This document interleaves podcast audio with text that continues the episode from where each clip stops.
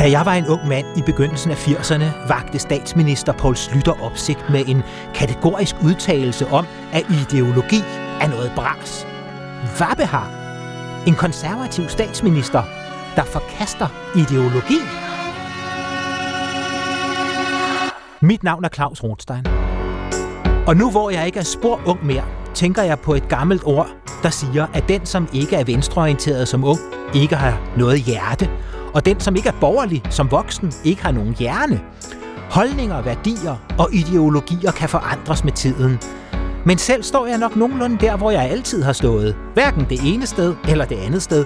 For i mangel af ideologisk tydelighed fandt jeg mit ståsted i den kulturradikale tradition.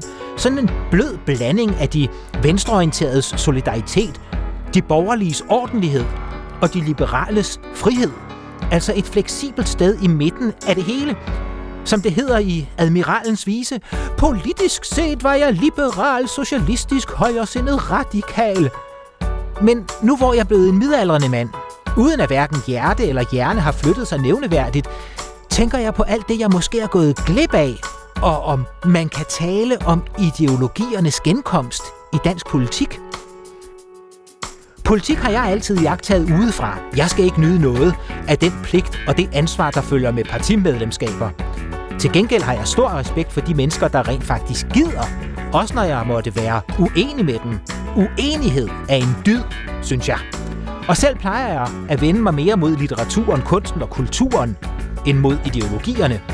Og nu spørger jeg mig selv, hvad der sker, hvis man bøjer ideologi og kunst mod hinanden. Jeg ved jo godt, at al politisk kunst er dårlig, og al god kunst er politisk. Men i denne serie får jeg besøg af fem aktive politikere, som har et tydeligt ideologisk ståsted. Og jeg taler med dem om, hvad ideologerne i Folketinget læser, når de læser skønlitteratur. Hvilken musik lytter de til? Hvilke film ser de? Hvilken musik står deres hjerte, hjerne og ideologi nærmest? I serien møder du en håndfuld ideologiske gæster og en enkelt ideologiløs studievært. Og det her er ideologernes ild. Goddag, Karl Valentin. Goddag, Claus Rothstein. Hjertelig velkommen til. Tak. Hvorfor er socialisme den rigtige isme for dig? Det er det, fordi socialisme det handler om at brede demokratiet ud. Det handler om at sikre, at den værdi, man skaber, når man går på arbejde, at den faktisk tilfalder en selv og ikke tilfalder nogen andre. Og så er det den rigtige ideologi, fordi det er en solidarisk ideologi, som handler om at skabe lighed og mere sammenhængskraft og øh, grundlæggende retfærdig fordeling af midlerne i vores samfund. Og ham, der siger det, det er Karl Valentin, 28 år, en del af Folketingets unge generation, der trådte ind i tinget ved seneste valg, grundlovsdag i 2019, for partiet Socialistisk Folkeparti. Når Karl Valentin præsenterer sig selv, så siger han, at han elsker rap, ikke tror på guder, ikke spiser dyr og elsker at høre lydbøger. Som det så hør og bør for de unge, har Karl Valentin allerede været politisk aktiv i mange år, dels som formand for SF's Ungdom, og som en del af den aktivistiske venstrefløj uden for Folketinget. Og som han skriver på sin hjemmeside, jeg har været aktiv i diverse politiske bevægelser for lighed, bæredygtighed og retfærdighed, siden jeg var 14 år gammel. Han er veganer af politiske grunde. Hans syn på dyreetik har gjort ham til mangeårige modstander af det minkerhverv, der fik en kontroversiel ende for nylig.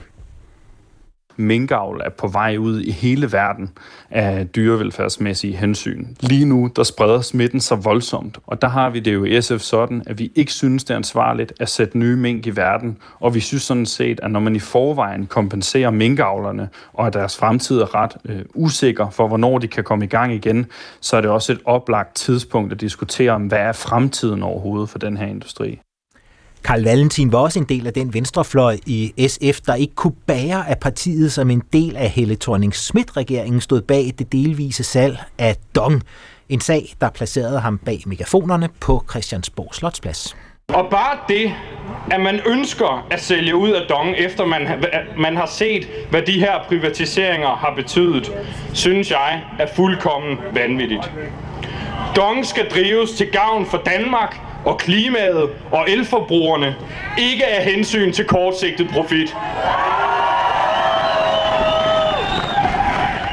Karl Valentin efterlyser ideologi blandt kollegerne på Christiansborg og taler gerne selv for store og grundlæggende samfundsforandringer. Til venstrefløjsmediet Solidaritet har han engang sagt, at han mener, at klimakrisen uundgåeligt vil føre til en revolution. Her fremfører han argumentet i radioen. Jeg tror ikke, vi skal gøre os den illusion, at markedet løser problemerne, eller at vi som individer kan løse klimakrisen. Altså, hvis vi skal løse klimakrisen, så har vi også brug for nogle store strukturelle forandringer. Vi har brug for, at det kan betale sig økonomisk at tage den offentlige transport, så flere transporterer sig bæredygtigt. Vi har brug for nogle gennemgribende reformer af landbruget. Vi skal grundlæggende kigge på, hvordan vi har skruet vores økonomi sammen. Vi skal gøre det dyrere for mm. virksomheder at forurene, og rigtig mange andre ting, der sikrer, at, at vi tager strukturelt hånd om det her. Yes, Karl Valentin, det var et lille signalement af mm. dig, sådan som din politiske praksis er, når du er ude enten i demonstration eller politiske debatter og kæmpe for din sag.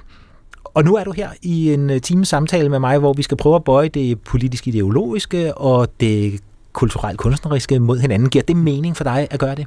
Det giver så god mening, og jeg har mhm. set vildt meget frem til den her debat. Altså, jeg har det generelt svært med øh, sådan hurtig øh, mediedækning, og det her med altid lige skulle være klar med en rap replik. Det er bare en del af livet som politiker, men jeg kan egentlig godt lide at komme sådan lidt mere til bunds i det. Så heller en rap-replik end en rap-replik, hvis jeg må komme dig i forkøbet med dit valg af kunstværk, fordi Helt sikkert. vi er over i, i den afdeling, ikke? Jo, det er vi bestemt. Altså, jeg elsker hiphop, og synes jo også, at, at øhm, politik og hiphop-kultur øh, spiller rigtig godt sammen, og har gjort det siden øh, hiphop opstod i sin tid. Så ja, jeg synes, at, at de her ting spiller godt sammen. Derfor giver det også god mening, at jeg laver sådan en morfar-joke. Det er rap det er og rap, hørte I det? Hvor vidt jeg er, fordi der er vi ude af min kulturzone, om jeg mm. så må sige. Øhm, altså, jeg har børn, der er på din alder eller ældre oven mm. i købet, men øhm, det var ikke det, øh, de lærte mig, da de voksede op at lytte til. Øh, jeg glæder mig også til at diskutere ideologi og kunst og kultur. Mm. Hvornår begyndte du at identificere dig som socialist? Det tror jeg allerede, jeg gjorde i 12-13 års alderen. Jeg, jeg har egentlig på det tidspunkt jo nok ikke haft en sådan meget bred viden om, hvad det vil sige at være socialist, eller læst noget sådan øh, større ideologisk litteratur, eller noget i den stil. Men, men jeg har synes, at den ulighed, vi havde i samfundet, var uretfærdig. Jeg var rigtig øh, vred på Anders Fogh, som jeg øh, synes øh, havde meget sådan en meget egoistisk politik, øh, som ikke rigtig øh, gjorde noget i forhold til klimakrisen, og som øh, skabte mere fattigdom. Og jeg var også meget indigneret over øh, sådan global fattigdom, og der er mennesker, der, der sulter og sådan noget. Øhm, og der tror jeg allerede deromkring, jeg begyndte at identificere mig selv som socialist. Men før jeg sådan har fået, jeg har nok først fået mere greb om det, da jeg øh, for alvor kom ind i SF Ungdom, som jeg gjorde som 14-årig, mm.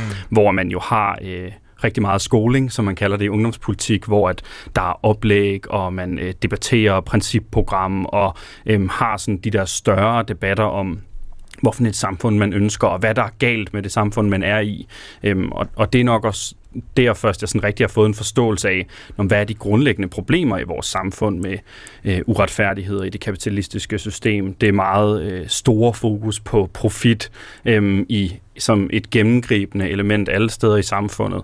Og øh, hvad kan man sige, også hele sådan klasseanalysen og alt sådan noget, det er jo ikke noget, der har fyldt, øh, jeg var helt lille. Der var det mere sådan en, en mavefornemmelse om, at, at der var noget, der var galt. Ikke? Ja, mavefornemmelse, jeg stod og tænkte på, på følelser nemlig. Mm. Altså, at øh, socialisme ofte er en indignationsfølelse, mm. der måske udspringer af solidaritet ja. og øh, ansvarsfølelse for andre.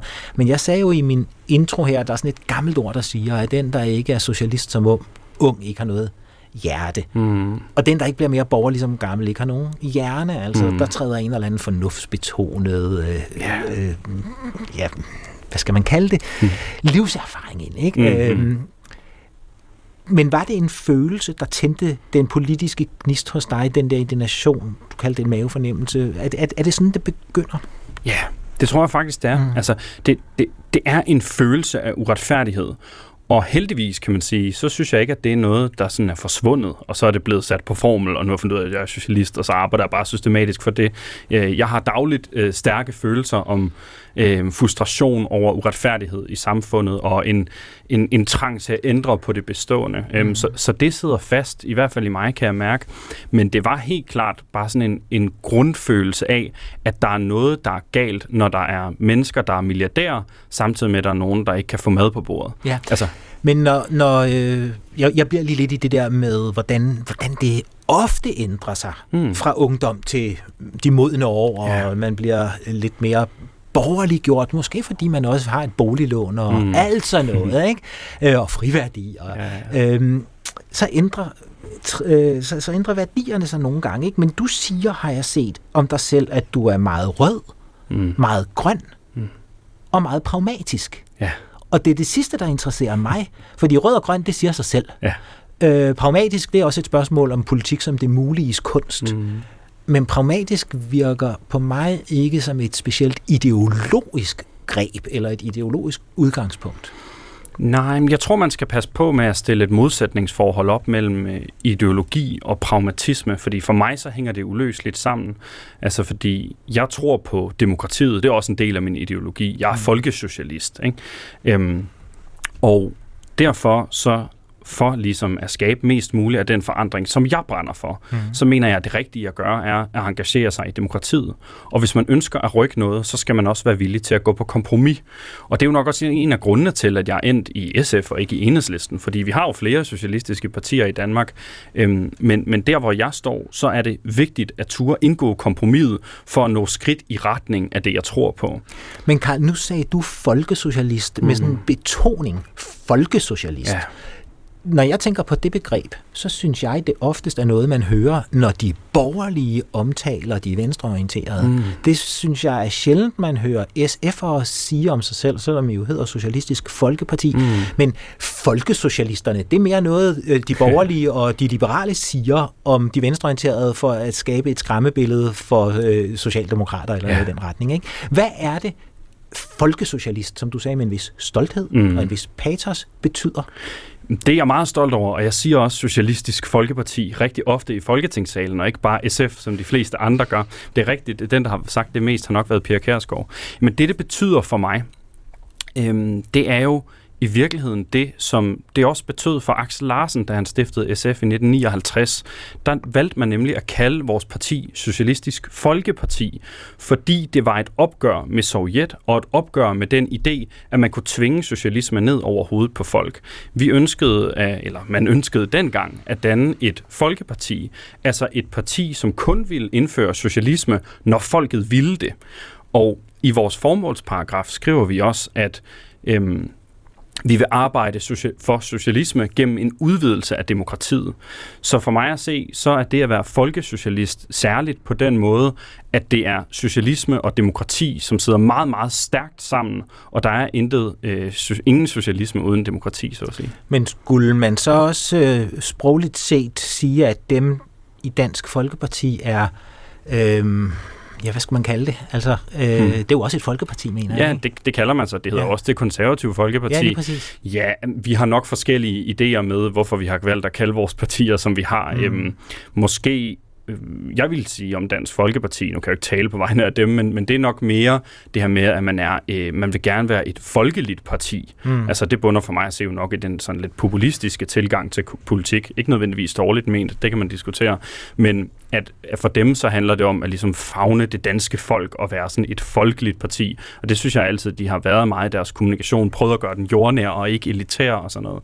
Øh, men det er lidt en anden tilgang, vil jeg ja, sige. så der er altså forskellige toninger af begrebet folkeparti. Helt sikkert. Men lad os blive ved det der med det pragmatiske, fordi mm. det er jo det, der binder uenigheder sammen mm. og skaber konsensus og så videre. Øhm, jeg synes ikke, at det er specielt ideologisk at være pragmatisk, men Nej. Du synes, man kan være begge dele på en gang? Ja, så afgjort. Mm. Altså for mig så er socialisme ikke en færdig samfundsmodel, man bare kan installere, øh, og som jeg arbejder for ligesom at lave i samfundet, og så har vi socialisme, og så er alt godt, og så kan jeg holde fri, fordi så har jeg opnået, hvad jeg ville. For mig der er socialisme en rettesnor. Det er et analyseværktøj. Det er et grundredskab, jeg har, som jeg arbejder med, når jeg prøver at forandre verden. Mm. Og for mig at se, så øh, når jeg sidder inde i Folketinget, så vil det være mærkværdigt, hvis jeg ikke var pragmatisk, fordi SF jo desværre ikke har flertal i Folketinget. Og hvis jeg gerne vil have den mest mulige socialistiske politik, så mener jeg, at det er mit ansvar over for vælgerne at arbejde pragmatisk, ja. altså at ville indgå kompromis. Ja, det ligger i jobbet. Altså det ligger i jobbeskrivelsen som parlamentspolitiker i et øh, Det gør det, men, men, men det er faktisk noget, der har været udfordret på venstrefløjen, vil jeg bare sige. For da man dannede enhedslisten eksempelvis, så gjorde man det jo øhm, hvor man talte om Folketingets talerstol som en udvidet megafon, så at sige. Altså at det at sidde i Folketinget jo på en eller anden måde kan blive øhm, en, en mulighed for at nå øh, mere ud med sit budskab, og sådan, ja, øh, i stedet for bare at demonstrere, så kunne man ligesom komme ind i Folketinget, og på den måde også råbe masserne op. Øhm, og den måde kan man også godt se det på, men for mig, så er parlamentarismen ligesom også det centrale, det at ville sætte sig ind i forhandlingslokalet, og øhm, arbejde for socialisme pragmatisk. Mm. Det, det, er den, det er den tilgang, jeg har. Jeg har lagt mærke til, når jeg har... Øh fulgt dig og læst om, der har hørt dine udtalelser, interviews osv., du siger, at du altid har været meget optaget af forandringsarbejde. Mm. Det er et ord, du godt kan lide at bruge. Ja. Forandringsarbejde. Øhm, I gamle dage, så sagde socialister reformer eller revolution. Ja. Øhm, er forandringsarbejde pragmatismens øh, øh, udførelse af den politiske, det politiske håndværk? Det er virkelig et godt spørgsmål, men jeg tror, jeg har brugt det, fordi jeg synes, det, det kendetegner øh, alt det, jeg har lavet, mere sådan bredt. Mm. Altså fordi jeg har lavet meget aktivisme, som ikke er sådan reformarbejde. Øhm, altså når jeg for eksempel har arbejdet for, at vi mit, på mit gymnasium skulle købe nogle studenterhuer, hvor at øh, overskud gik til velgørenhed, i stedet for at købe for en eller anden kapitalistisk virksomhed, så har det jo ikke noget med reformer at gøre, men det er på en eller anden måde stadigvæk noget forandringsarbejde, der skulle sikre øh, nogle penge, vi kan bruge til at hjælpe mennesker, der sulter. Øhm, og for mig at se, så det irriterer mig, den her debat, der er mellem reform og revolution, fordi et eller andet sted, så vil jeg nok betegne mig selv som revolutionær, fordi jeg tror på et grundlæggende andet samfund. Altså, der er nogle helt fundamentale ting, der skal være lavet som i vores system.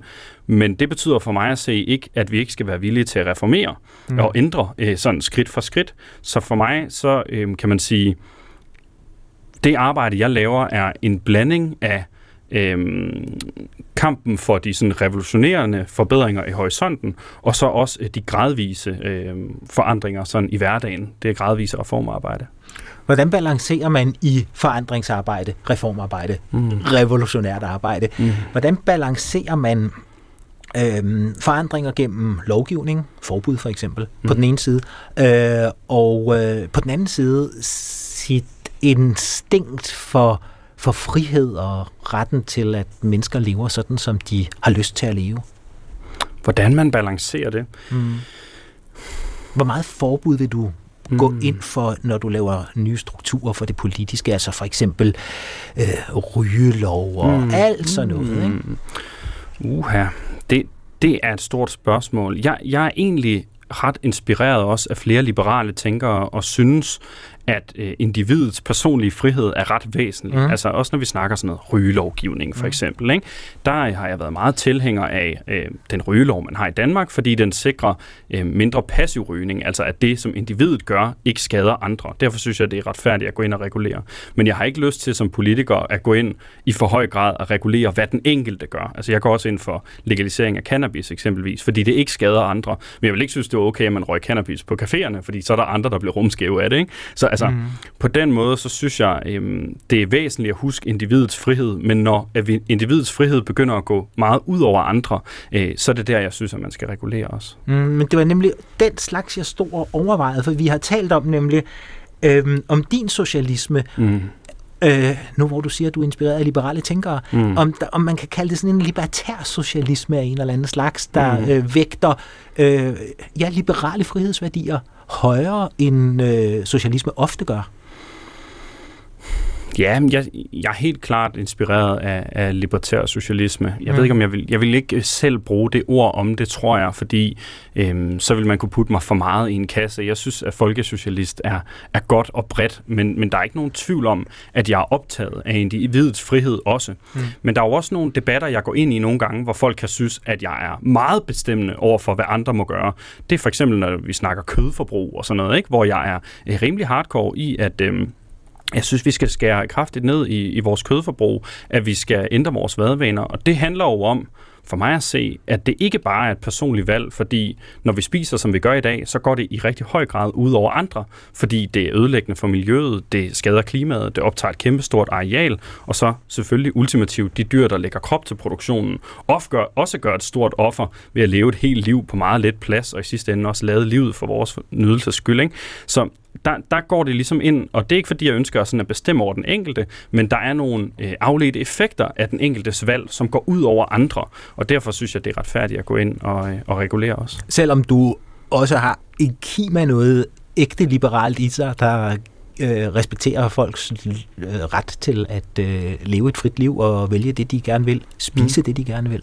Ja, øh, så længe det ikke skader andre, mm. så går jeg meget ind for det. Og jeg er ligeglad med, om, om øh, du har lyst til at leve af Oreos og pomfritter, eller om øh, du spiser øh, primært øh, sund mad, eller sådan. Det, det, det vil jeg som sådan ikke blande mig i. Men når man går ind og træffer et valg, som direkte skader andre, altså som er øh, ødelæggende for vores økosystemer, for klimaet, og som også øh, kræver jo, at der er nogle dyr, som øh, lider en voldsom skæbne for, at vi kan spise det, vi gør, mm. så synes jeg ikke længere, at man kan betragte det som øh, bare et personligt valg, for det går ikke kun ud over en selv. Det går også ud over andre, både andre mennesker og andre dyr. Karl, da jeg øh, sad og researchede lidt til vores samtale, faldt jeg over en samtale med dig, eller et interview med dig, øh, i Vesterbro Lokal TV. lige da du var kommet i Folketinget. Ja. Vesterbro Lokal TV besøgte dig på dit kontor. Øh, det kan du sikkert godt huske. Det kan jeg godt huske. Øh, det var en lang samtale. Som det var en lang samtale, og den strittede i alle mulige øh, sjove retninger. Ja.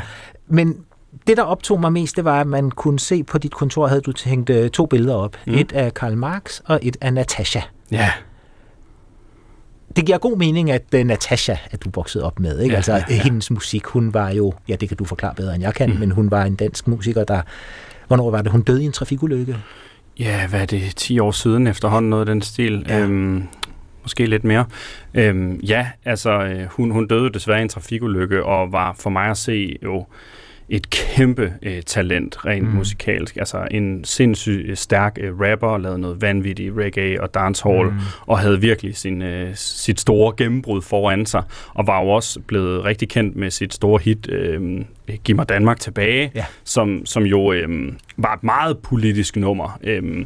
og øh, talte meget ind i den her sådan... Øh, øh, nuller diskurs øh, med opgør med privatisering og fremmedhed og alle de her ting her. Øh, ja.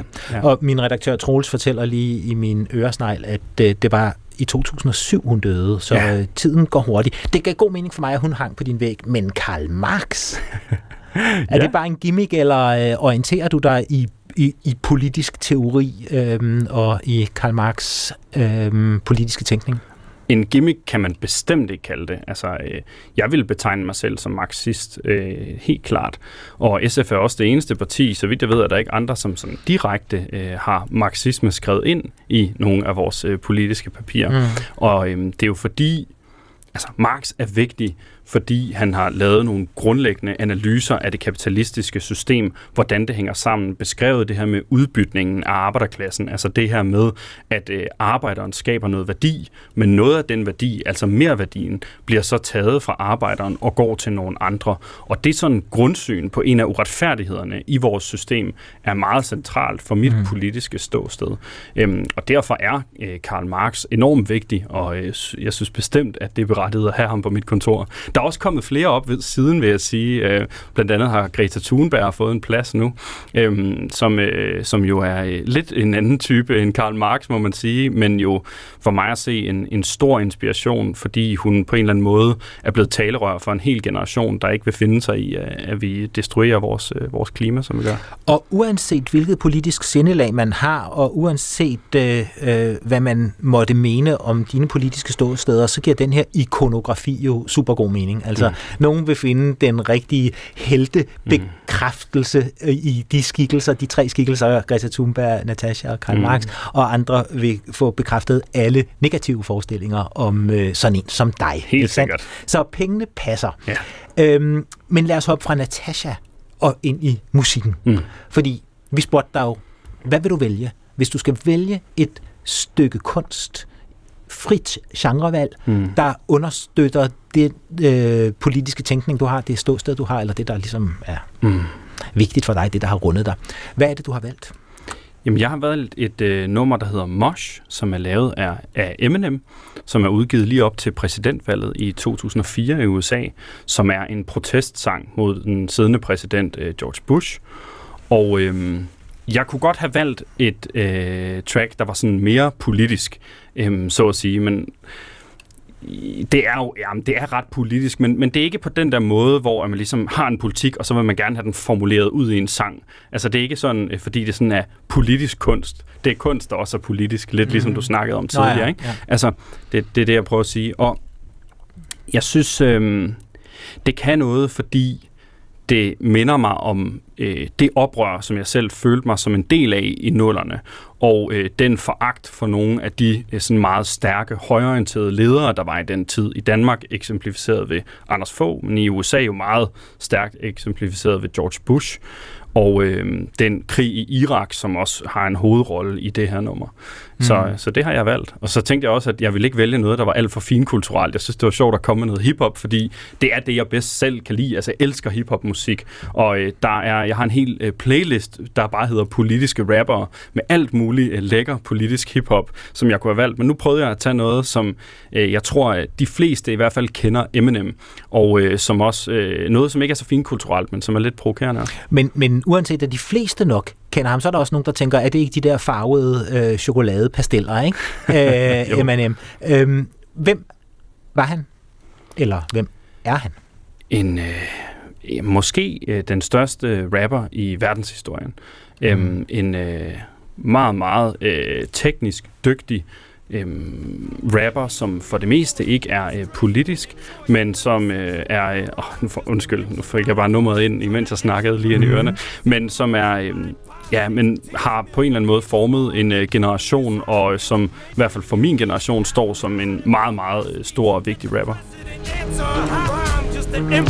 noise. Try to amplify multiplied by 16 million people equal this high pitch. Maybe we can reach Al Qaeda through my speech. Let the president answer high anarchy. Strap him with an AK 47, let him go fight his own war. Let him impress daddy that way.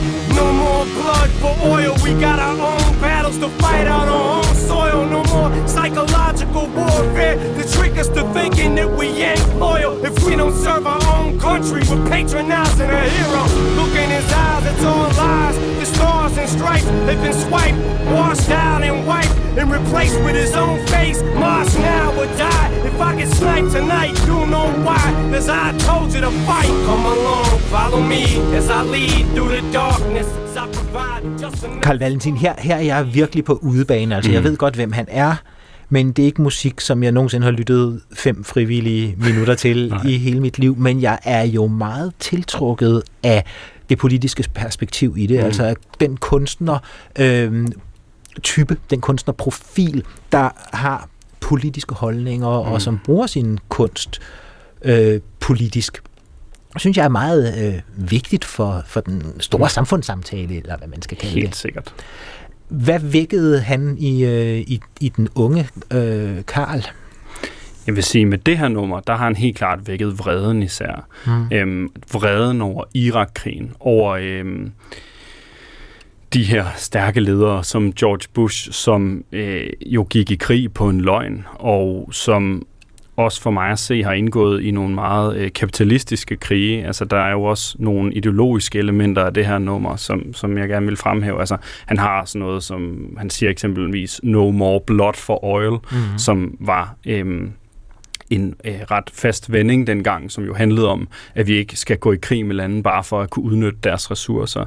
Øhm, han, øh, han har jo også sådan lidt et klassekampsperspektiv øh, i forlængelse af det, han siger, der no more blood for oil, we got our own battles to fight on our own soil. Mm. Altså vi har nogle, egen, nogle kampe, vi skal kæmpe i vores eget land, og jeg læser i hvert fald det som nogle, altså nogle kamper mellem, måske ikke klasser, det er måske at tolke for meget, men i hvert fald øh, eliten og folket imellem. Ikke? Nogle sociale kampe i Nogle hvert fald. sociale kampe, ja. er så afgjort. Øhm, og så synes jeg jo også, han, han meget godt får repræsenteret noget vigtigt i hiphoppen, ved ligesom at, at snakke om øh, raser, altså hans tekst er også sådan antiracistisk. Han har, øh, øh, han siger, don't matter what call, color, all that matters, we gather together. Øhm, altså, og det er jo klassisk for hiphoppen at øh, fremhæve sorte også. Det er jo lidt øh, særligt med, at måske den største rapper nogensinde er hvid, fordi vi, hiphopkulturen er jo skabt af sorte, og i høj grad båret af sorte mennesker, er det også i, i høj grad i dag, selvom at det er blevet mere populær kultur.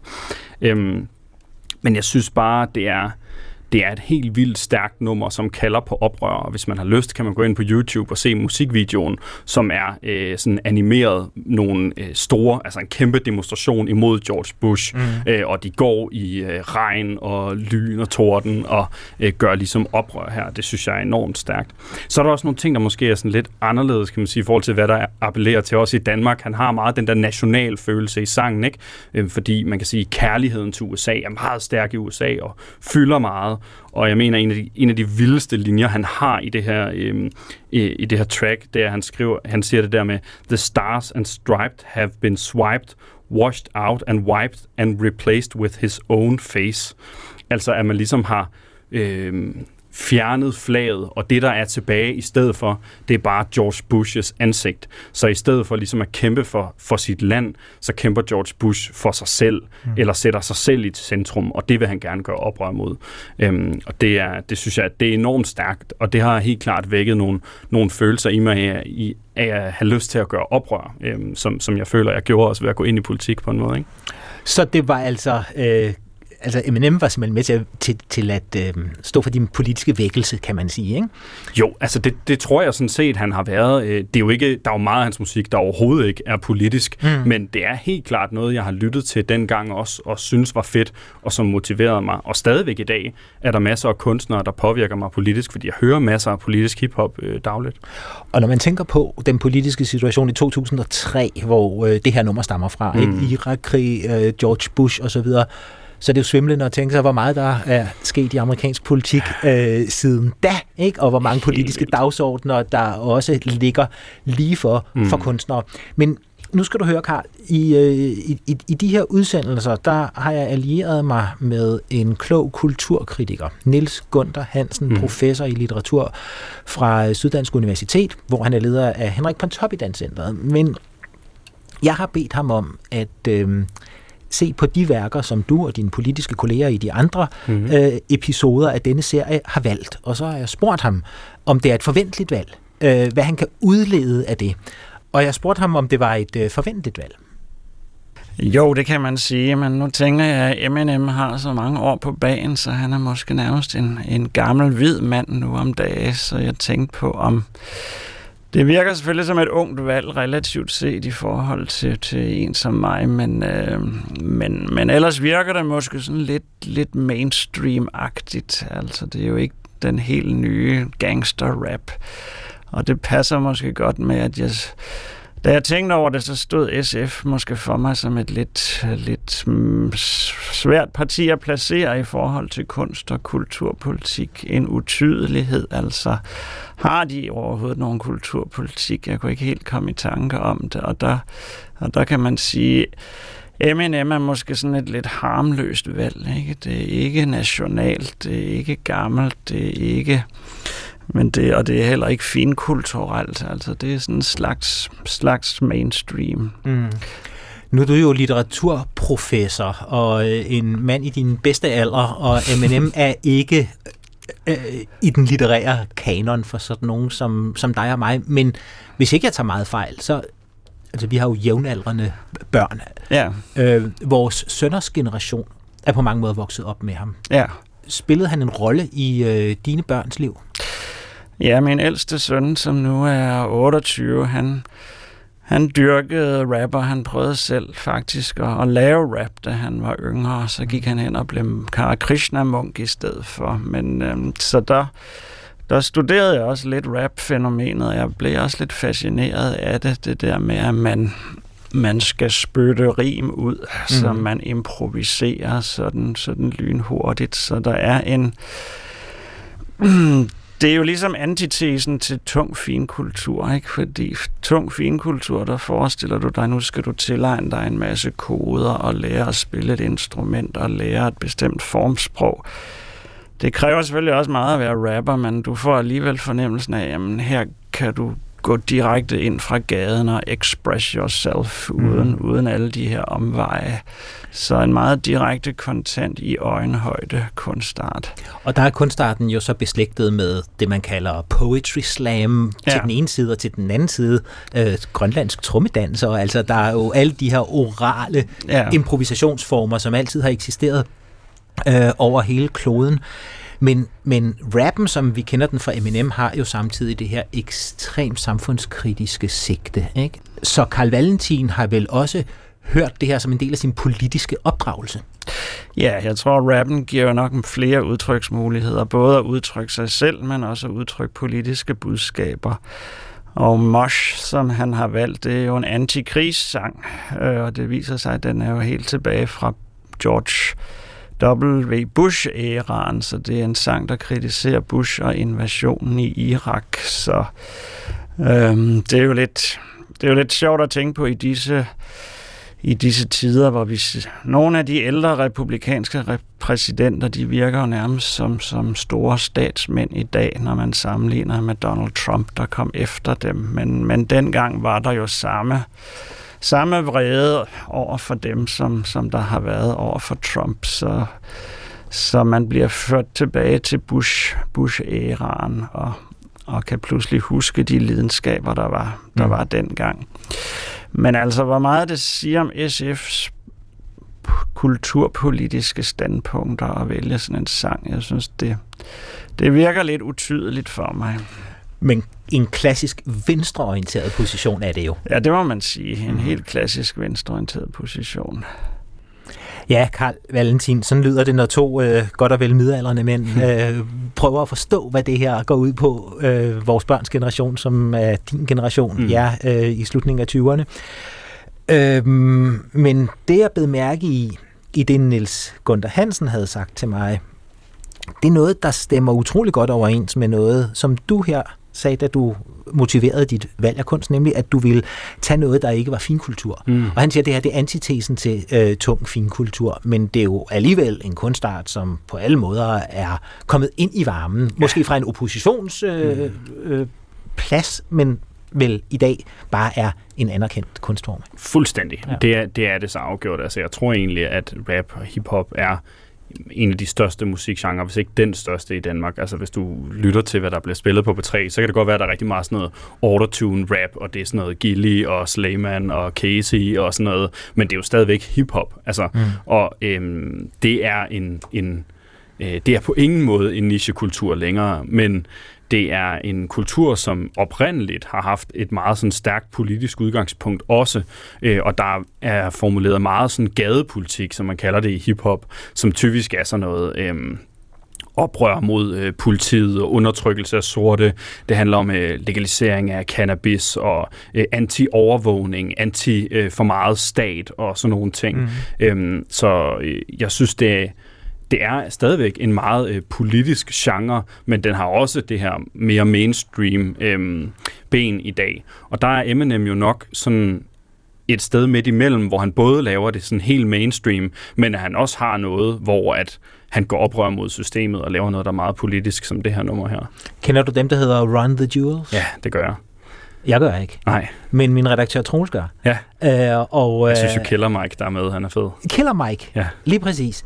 Øhm, Killer Mike som jo er, har jeg lavet mig fortælle, Mm. en, øh, øh, en stor rapper, men ja. med, med venstreorienterede politiske synspunkter. Han har støttet Bernie Sanders. Ja, som det er, altså, en, det er nærmest, vi kommer en, en socialist Mm. øh, i amerikansk politik. Han hænger på mit kontor nu også, Bernie. Når Bernie hænger Ja, ja, ja. på det. Altså, vi, vi er jo vant til at opfatte amerikansk politik som noget, der i forhold til vores skalaer er meget højorienteret. Men der er jo en socialistisk, venstreorienteret politisk kultur i USA. Mm. Altså, den er ikke i, i, i, i mainstream øh, politik, men den findes som modkultur, subkultur og modmagtskultur kultur. Ikke? Mm. Øhm, men, men Run the Jewels der, skal vi ikke lige høre? Hvem er dem? Det lyder mega fedt. Ja. Det vidste jeg slet ikke. Det er så godt. Jeg har set dem live også på Roskilde Festival. Det glæder mig meget til. Okay, og altså, det er første gang for mig, ja. men de kommer her. And it's cold as fuck. The way I see it, you probably free us from the ages 1 to 4. Around the age of 5, stripped away for your body to be stored. They promise education, but really they give you tests and scores. And they predicting prison population by who's scoring the lowest. And usually the lowest scores the poorest, and they look like me. And every day on the evening news, they feed you fear for free. And you so numb, you watch the cops choke out a man like me. Until my voice goes from a shriek to whisper, I can't breathe. And you sit there in house on couch and watch it on TV. The most you give is a Twitter rant and call it a tragedy. But truly the travesty, you've been robbed of your empathy, replaced it with apathy. I wish I could magically fast forward the future so then you can face it and see how fucked up it'll be. I promise I'm honest, they coming for you the day after they coming for me. I'm Rita Chomsky, I'm Reed Bukowski, I'm laying low for a week. I said something on behalf of my people and I popped up in WikiLeaks. Thank God that I'm covered, the devil can smother, and you know the evil don't sleep. Dick Gregory told me a couple of secrets before he lay down in his grave. All of us servants ain't masters, all of us nothing but slaves. Never forgetting the story of Jesus, the hero was killed by the state. Just got done walking in the snow. Goddamn that motherfucker cold. Just got done walking in the snow. Goddamn that motherfucker cold. Ja, vi er altså på P1, hvor det her ikke er hverdagskost, vel? Ja. Uh, Walking in the Snow uh, hedder det her nummer fra uh, det seneste album med um, Run the Jewels. Nu, nu sagde du med største selvfølgelighed jo uh, Killer Mike. Mm. Hvis du skal placere dem her i sådan en... Uh, hvad skal vi sige, politisk bevidst musiktradition, Mm, mm. samtidsmusiktradition. Ja. Hvem har vi så med at gøre?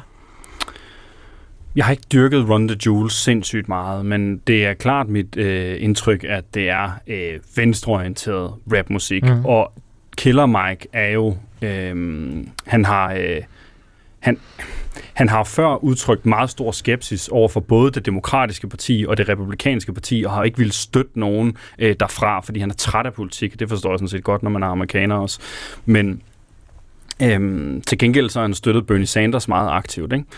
Og øh, som jeg ser det, så, øhm, så er han en del af sådan et meget venstreorienteret, semi-revolutionært øh, miljø og en bevægelse, som vil noget grundlæggende forandring. Og med det her track kunne jeg da også høre ham referere til øh, I Can't Breathe, som blev sagt af, af en af de her øh, sorte mænd, som mm. blev slået ihjel af politiet. Og han sagde det igen og igen, inden han døde.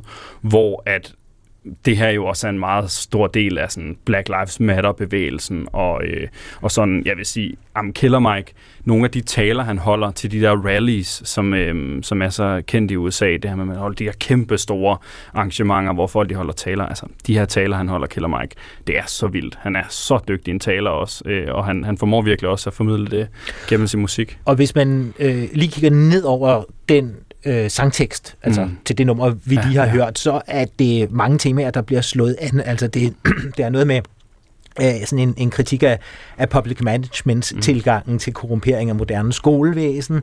Øh, der er noget om retspolitikkens sociale slagside og det amerikanske retssystems stru- strukturelle forskelsbehandling. Mm. Øh, noget med øh, en kritik af den der datadrevne øh, øh, øh, overvågningspolitik, mm. øh, som myndighederne bruger, når kunstig intelligens og algoritmer bruges til en målrettet politiindsats.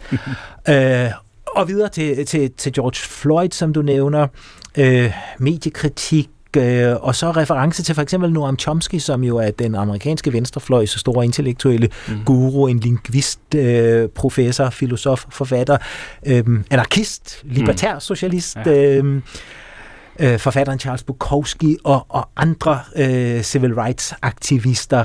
Øh, Dick Gregory, der blev politisk vegetar engang i 60'erne. Øh, Altså alt det, som du kan spejle dig i, hvad jeg lige vil at sige. Ikke? Ja, ja, ja. ja. Det, det bliver ikke mere mig. Altså, både med hiphop og så alt det her øh, forskellige dele af venstrefløjsmiljøet. Og øh, ja, det er, øh, det er så fedt, det der. Det er, det er godt fundet frem. Men der er jo dem, der sætter sig ned og skriver en kronik, og så er der dem, der øh, rapper med, med, med kunstnerisk lidenskab mm. og med, øh, med meget, meget stærkt samfundsengagement om det her. Er det her, den politiske kritik øh, har det bedst for tiden, tror du? Den har det også godt der. Der mm. bliver også skrevet masser af gode bøger og begavede kronikker. Så jeg tror, det handler om at gøre det, som man selv er god til, og som man synes er den rigtige udtryksform for en selv. Og jeg tror ikke, sådan en type som Killer Mike kunne blive politiker. Det tror jeg ikke, han vil være interesseret i. Men han er med med til at forme en generation gennem den måde, han udtrykker sine politiske holdninger på, mm. gennem kunsten. Så der trives, øh, der trives det politiske så afgjort.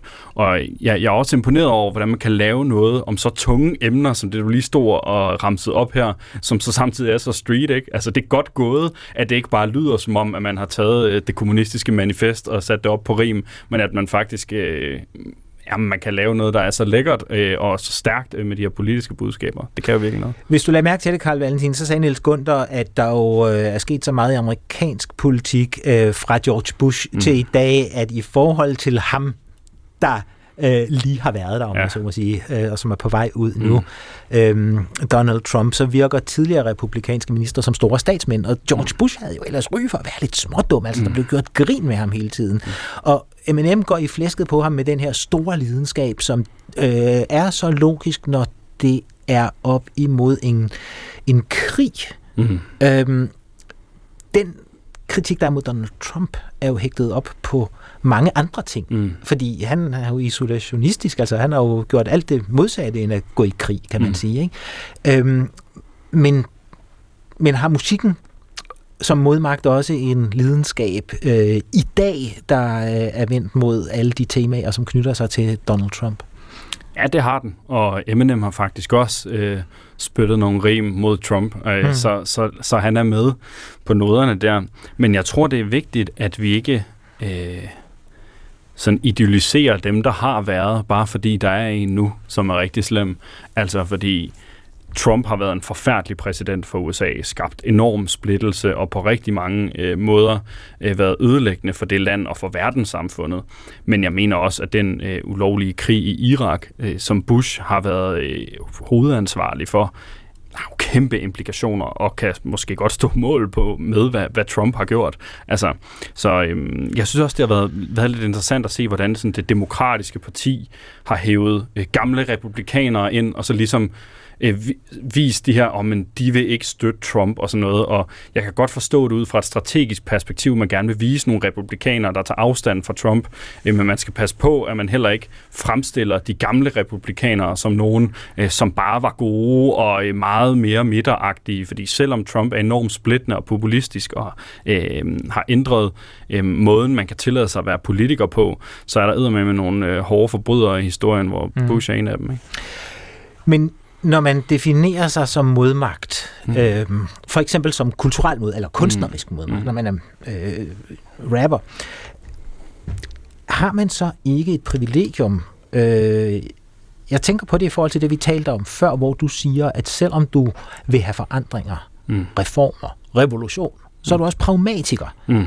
Øhm, M&M og øh, Killer Mike, de kan tillade sig øh, at øh, øh, blæse pragmatismen en hatfuld. Ikke? Øhm, og bare fremstå som den her modmagt. Har øhm, rap den naturlige position i modmagt? Hvad ville der ske med Killer Mike, hvis Bernie Sanders blev præsident? Hvor skulle han så gå hen med sin rapmusik lige pludselig? Jeg tror stadigvæk, at han vil være modmagt. Øh, ikke sådan selvfølgelig i stærk opposition til Bernie, når nu han har bakket ham op, mm. men øh, jeg håber og tror da, at han vil fastholde sin samfundskritik og være kritisk over for uanset hvilken politiker, der sidder. Men det er rigtigt, det er kunstnernes privilegie øh, ikke at skulle indgå kompromiser i sin rap. Altså det ville også blive meget kedeligt, hvis Eminem var sådan, om vi skal indgå nogle reformer, og så skal vi finde det perfekte kompromis. Yeah. Altså, det, sådan er det bare ikke. Sådan er det ikke at lave øh, musik. Øh, Øhm, men jeg synes jo, altså, når, når jeg tænker på meget af det hiphop, jeg hører i min hverdag, ikke? Øhm, så er det jo, de siger jo ting, som jeg synes er mega fede, men som jeg aldrig vil se i en politisk debat, fordi det er alt for hardcore. Ja. Altså, det er alt for uforsonende. Øhm, men det må de gerne, fordi det er en helt anden spillebane. Så det er en ventil også for den øh, offentlige debat, eller den politiske debat. Helt sikkert. Og det kan jo bruges på mange måder. Det kan både bruges sådan, øh, til at sige nogle ting meget lige ud og i vrede og være hård over for magthaverne. Altså nogen, jeg hører en del, det er for eksempel Klumpen og Raske Penge, to danske rappere, som også er meget systemkritiske. Øh, de har både lavet noget, som er sådan rimelig intellektuelt og stærkt øh, politisk, men Klumpen har også lavet et øh, track, der hedder Du er en lort, hvor han bare opridser alle mulige politikere, som han synes er lort. Mm-hmm. Og det er, sådan, det er jo også en eller anden ventil på en måde, hvor at man kan øhm, få sagt en følelse, man har om nogle politikere på en meget ukonstruktiv måde, og det er okay i musikken, for det er noget andet. Altså, det, sådan vil jeg aldrig debattere, men det er noget af det, de kan. Ikke? Mm. Øhm, og øh, der er ingen tvivl om, at, øh, at meget af det politiske musik, vi har i Danmark også, er med til at, at påvirke systemet og flytte folks holdninger. Altså en plade, jeg har lyttet meget til eksempelvis, det er en, øh, som er lavet af en rapper, der hedder Ham den Lange. Det er, pladen hedder Dagbog fra en flygtningelejr, mm. og er en plade, hvor han fortæller om, hvordan han har været i et halvt år øh, på Leos i en flygtningelejr og hjælpe de her mennesker. Og han siger egentlig ikke så meget øh, sådan dagligdags politisk. Han fortæller bare om de oplevelser, han har fra flygtningelejre med børn, der har mistet deres forældre, forældre, der har mistet deres børn, mennesker, der øh, jamen, har været ude for alle mulige forskellige ulykke. Og den sådan øh, rap-dagbog, han har lavet der, det er jo noget, der kan hvad kan man sige, på en eller anden måde formidle en virkelighed, man ikke ser normalt, og også påvirke os følelsesmæssigt til at træffe nogle andre politiske beslutninger. Men han er ikke sådan, vi skal tage 500 kvoteflygtninge om året. Han er bare sådan, se hvad der foregår på ja. Leos. Ikke? Men, men det bliver jo ikke konkret øh, politik. Nej. Kunst er noget andet end politik, og det er Præcis. derfor, det også er interessant at undersøge i samtaler som øh, dem, vi har her, hvordan de ting kan bøjes mod hinanden, befrugte hinanden, mm. øh, og politik ideologi og kunst har jo en øh, altså evig samme eksistens. Mm. Øh, det er bare altid interessant at se, hvad der sker, når tidsånden skifter. Og det gør den jo jævnt hen. Ikke? Mm. Øhm, jeg har indtryk af, at, øh, at øh, ideologier i øh, lang tid har været sådan lidt... Øh, ikke noget, man har givet øh, profilere sig vanvittigt meget med. Mm. Men at der måske er et skift på vej. Ser du en eller anden form for ideologiernes genkomst i øh, tidsånden? Er du selv et udtryk for det?